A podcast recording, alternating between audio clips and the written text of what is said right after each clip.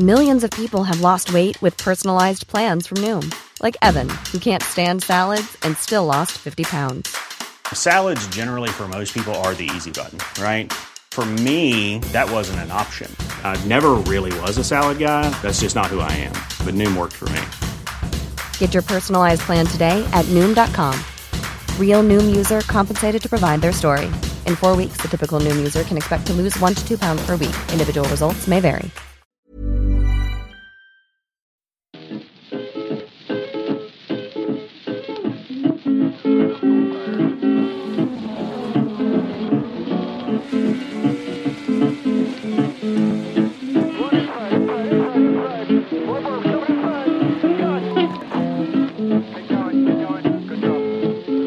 Wanna know where my easy rider gone.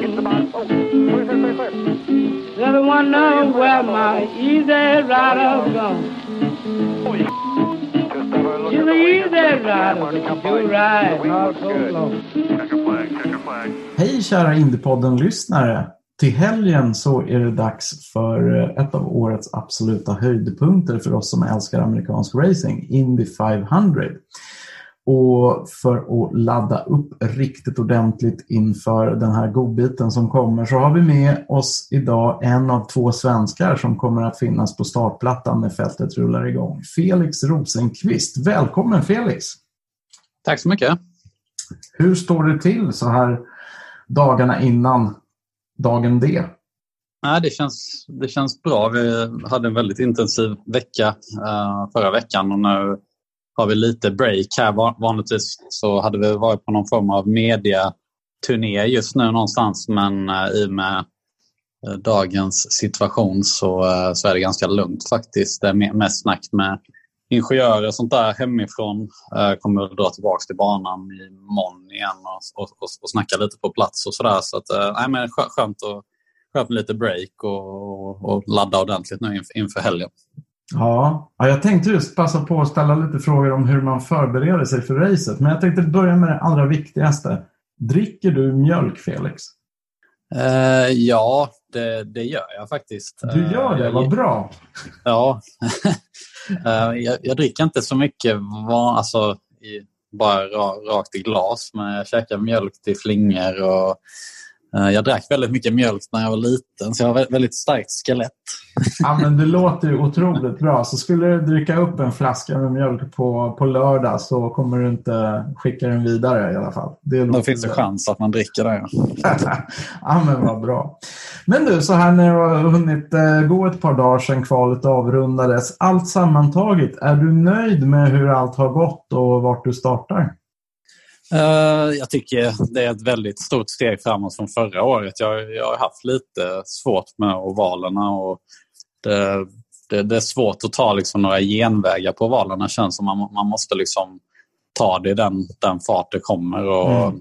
Det har varit väldigt mycket tester här. Det började väl sådär och sen eh, lite segt att liksom komma upp i fart. Sen kvalet var väl, det var väl okej. Okay. Jag, jag, hade ett ganska stort eh, moment dagen innan kvalet. Uh, var nära på att tappa bilen i, i, i kurva 1 och det, sånt där sätter alltid sina spår lite och man får jobba, jobba igen det där liksom uh, mm. bäst må man kan. Men uh, med tanke på det och hur veckan såg ut innan så är vi ganska nöjd med kvalet. Och sen träningen vi hade efter kvalet gick faktiskt väldigt bra i race running så det, det var väl det största steget hittills under, under alla de här dagarna. Så det, det, det kändes bra att gå in i breaket med, med riktigt bra träningsdag. Så, ja, det, det, det är hela tiden liksom, det, allting går liksom framåt hela tiden, eh, millimeter för millimeter kan man säga med både bil och mentalt.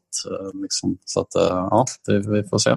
Ja, det låter skönt. Och som du sa så är det här ett stort steg fram jämfört med förra året då det såg väldigt mycket tuffare ut. Och bara för att påminna lyssnarna, då var det ju, det var ju första gången du var på Indy, du kvalade P29 och nu startar du från 14 plats och det är ett väldigt stort steg fram.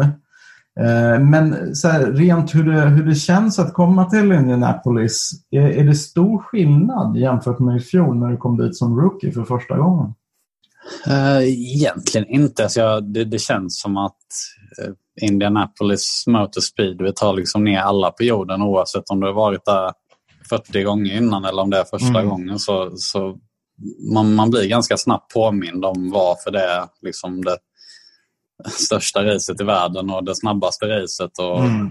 det, det, man, man, man kollar i kvalet nu så är det liksom väldigt många bra förare som ligger bakom mig eh, på kanske P25 eller någonting som kanske har vunnit racet innan till och med. Mm. Och det, det, har alltid sina utmaningar och det, det, sen är det en, en, utmaning att göra kvalet och en utmaning att vara snabb i racet och det, de två sakerna hänger egentligen inte ihop. Så vi kommer att se folk som inte var bra i kvalet mm. som kommer att vara jättesnabba i racet och folk som kommer ramla ner. Och, mm. Eh, ja, det, det, det, känns på något sätt eh, lika tufft varje gång man kommer hit och man har ja. enorm respekt för det.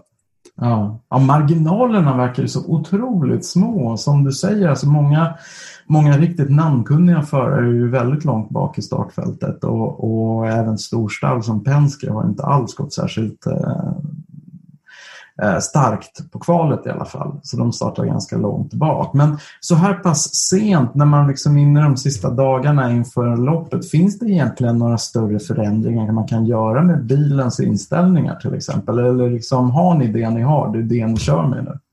Eh, man kan säga att grundsetappen på bilen som man har kommit fram till nu kommer väl inte förändras så jättemycket. Däremot är det väldigt känsligt på. Alltså, allting du ändrar på bilen får ju väldigt stora utslag i och med att det, det går så snabbt. Och, eh, det, det, det, handlar liksom inte om samma som på en vanlig road course. Så att säga. Man, mm. man ändrar jättesteg på setupen och då man märker ingen större skillnad. Här, här är det liksom tvärtom. Varenda liten grej får jätteutslag på, på liksom, och, och, ofta förbättrar du någonting men du försämrar även någonting. Mm. Och, och det är rätt, rätt lätt att hamna i en ond cirkel. Uh, men vi vet i stort sett hur vi kommer, hur vi kommer racea. Men mm. det, det, det, kan vara så att du börjar passet så känner du att balansen är dålig. Sen ändras banan lite så blir balansen perfekt och sen blir det lite varmare i slutet av passet och då tappar du balansen igen. Så mm. Utmaningen rent tekniskt är att liksom hela tiden ligga i ditt balansfönster där du vill ligga med bilen. Mm. Uh, och och, liksom, och försöka förutspå hur banan kommer förändra sig under racet. Så eh, det, vi vet var vi vill vara men tricket är liksom att hitta dit under racedagen och under hela racet. Just det, och det med, med alla de här osäkra faktorerna som, som kan påverka under racedagen också. Jag tänker på vind och väder och temperatur och allt det där. Så det, Precis. det måste vara väldigt mycket gissningslek i det här också. Att man försöker optimera med tanke på vad man tror kommer hända i framtiden. Mm, det, ja, jag vill försöka få det så lite gissning som möjligt men det, mm. ibland, ibland blir det som du säger, man, det, det är nästan omöjligt att träffa rätt. Så. Men har ni till exempel någon, någon så konkret plan för vad, vad kommer ni ägna Carb Day åt? Till exempel? Är det liksom specifika saker man testar eller bara rent allmänt se till så att man är i balans den dagen? Eller? Man kan säga att detta året, i och med att det har varit mycket mindre träning, så, så blir det extremt fokus på att ligga och köra bakom andra bilar så mycket som möjligt. pack running som man kallar det.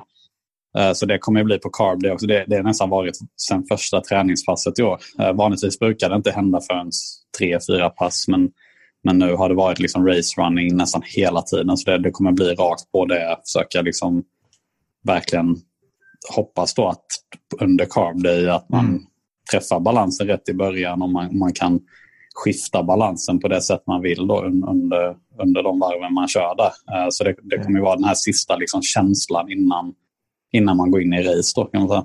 Har det varit tufft tycker du att anpassa dig till, till den här annorlunda känslan som aeroscreenen gör? För vad jag förstått det så ändrar den känslan i bilen ganska, ganska rejält i, i de här extrema hastigheterna. Har det varit, tycker du att det varit tufft att anpassa sig till, till den nya känslan? Um, ja, det, det, är lite lurigt i och med att det är mer vikt på bilen. Så mm. om du får ja, överstyta eller understyta någonting så blir det ofta värre än vad det hade varit innan. En, en tyngre bil blir alltid liksom svårare att köra. Sen mm. i med aeroscreen tror jag vi har tappat lite downforce också. Um, det är lite mer drag på bilen. Det, tyngden sitter väldigt långt upp så att eh, det, det, är ingenting som blir enklare kan man säga. Nej. med, med aeroscreenen. Det, det jag förutspår lite dock är att den som leder racet kommer få ganska mycket luftmotstånd. Så jag tror det kommer vara svårt för den som leder att dra iväg, vilket är bra för det kommer tajta Mm. ihop racet. Men sen när du går två, tre bilar bakåt i ledet så kommer det vara väldigt svårt att köra om. För det, det, det, du får så mycket liksom får mycket dirty air. Liksom. Um, så vi, det, det är svårt att förutspå men jag, jag, det känns som att racet kommer utspela sig så ungefär. Då låter det ändå inte som att P14 är en särskilt dålig plats att starta på om man liksom börjar racet där och jobbar sig fram kanske. Nej, absolut inte. För, förra året så startade jag ju nästan sist och vi var ju uppe och slogs som en, en Mm. topp 10. Liksom. Det. lite bra strategi och vi hade väldigt bra fart i, i det racet då. Så att, eh, det, det känns ju väldigt mycket bättre att starta 14. Eh, Mm. det, det är ju oftast runt 7-8 depåstopp man ska göra. Eh, det, det kan ju hända liksom vad som helst med, med, med safety car och allt, all, allt möjligt. Mm. Då, så att, nej, det, det, det känns jättebra faktiskt. Och det, det finns alla förutsättningar att, att göra ett bra race därifrån. Mm. Det här är ett riktigt eh, kraftprov Indy 500 i och med att det är så extremt snabbt och det är så extremt långt. Alltså, Hur, hur förbereder du dig? Man bortser från tekniken och bilen och sådär. Vad, vad, vad gör man som förare? Jag tänker på sömn, träning, vila, käk. Vad, är det något särskilt att tänka på som är, som är speciellt den här veckan som inte eh, påminner om en vanlig racevecka? Alltså det som skiljer sig är att det är så enormt utdraget allting. Um, Mm. Om man vill ha energin liksom på racedagen så man inte känner sig helt trött när man väl kommer fram dit. Och det, det är rätt vanligt om man lyssnar på folk som har kört många år att eh, de, de är liksom slut redan innan racet faktiskt börjar. Fr- Från all träning, alla PR-uppdrag och sånt där. Eh, så det, det, handlar, det är väl mest så här liksom energikonservering på något sätt och sen verkligen försöka tagga till på Mm. racedagen. Och det, även fast det inte är så fysiskt att köra just Indy, det är väl en av de minst fysiska banorna, så det mentala är ju extremt eh, påfrestande och det, där kommer väl ändå fysiken in. Att har man, har man, är man fit och i form liksom, så, så kan man nog hantera det mentala det. bättre än, än någon som inte är. Så att, eh, eh, sen handlar det bara om balans, liksom känna sig glad och liksom på hugget och Mm. liksom bara försöka göra sina rutiner så man, man, man känner att man Ja. vaknar upp på rätt sida helt enkelt. Ja. Vi fick in en lyssnarfråga från Christer Gustafsson som undrade precis över det här. Alltså blir man ovanligt trött och matt i skallen och ögonen och blir liksom sinnena ovanligt utmattade av ett sånt här ovalrace som, som Indy 500 det är. Ett så speciellt race. Ja, verkligen. Det är ju skulle jag säga, ju- just fokuset. Att när det går så snabbt så Mm. du tittar hela tiden typ 100 eller 200 meter framför. Vilket när man sitter i bilen känns inte så konstigt. Men om du sätter Mm. dig liksom ute på gatan och kollar 200 meter fram och försöker Ja. tyda vad, liksom, vad som händer där borta så är det, det kräver ju att man skarpar upp liksom sinnet Ja. väldigt mycket. Eh, Sen har du hela tiden risken varenda gång du gör någonting på banan. Varenda, gång du ska göra en omkörning eller eh, gö- göra någonting för att att tjäna en plats eller tjäna tid så, så riskerar du liksom inte bara bilen utan du, din egen hälsa egentligen. Så Ja. det är hela tiden ett risk versus reward som, som pågår i huvudet och det är väl det, Mm. det är väl egentligen den större delen av att det, av att det är så enormt utmattande. Och liksom, Just det. det, det är inte bara att gasa och köra och se glad ut utan du, du måste vara ganska mogen i, din, i dina beslut helt enkelt och inte köra över din förmåga eller, eller bilens förmåga. Det är den här psykiska anspänningen som hela tiden ligger där liksom och, och pressar på. Exakt. Eh, fick in en annan lyssnarfråga. Du kör en svart bil och en sån absorberar ju väldigt mycket solljus och värme. Vore det inte bättre både för dig och bilen om eh, den vore ljus? Nu när värmen kommer vara en, definitivt en faktor som påverkar hur det här racet upplevs. Uh, det är intressant för jag sa faktiskt detsamma till mina ingenjörer och frågade vad de tyckte att om det, det var mest i kvalet för där försöker man alltid ha en kall bil. Ja, Eh, och då var deras svar att vi kyler ner bilen så pass mycket så att den är egentligen för kall och sen så kommer allting upp i sin rätta temperatur när man väl kör kvalvarvet. Eh, men sen just det att det, det blir varmare i bilen för föraren, det, det stämmer nog. Alltså det, mm, även fast det inte är svart precis just det. Men, runt där så kanske Ja. det, ja, någon grad kanske det gör. Eh, men det är ju det är bara liksom det är väl där man, man måste använda sin fysik och liksom Just det.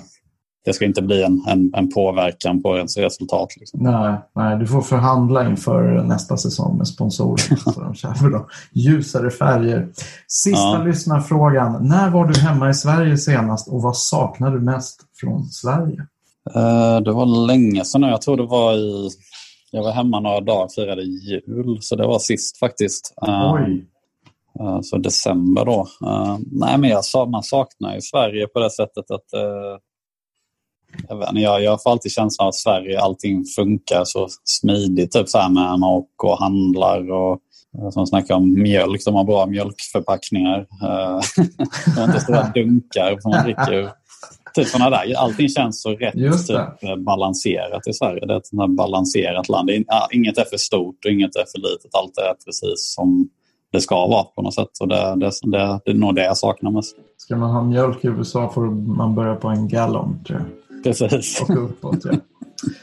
Felix Rosenqvist, jättestort tack för att du tog dig tid för att snacka med oss inför Indy 500 och eh, jättestort lycka till från oss alla. Tack så mycket. Said I wanna know where my easy rider gone.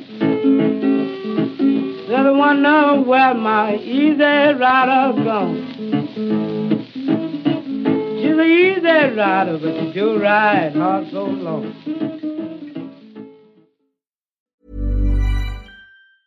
Hey, it's Paige DeSorbo from Giggly Squad. High quality fashion without the price tag. Say hello to Quince. I'm snagging high-end essentials like cozy cashmere sweaters, sleek leather jackets, fine jewelry, and so much more. With Quince being 50 to 80% less than similar brands. And they partner with factories that prioritize safe, ethical, and responsible manufacturing. I love that. Luxury quality within reach. Go to quince.com slash style to get free shipping and 365 day returns on your next order. Quince.com slash style.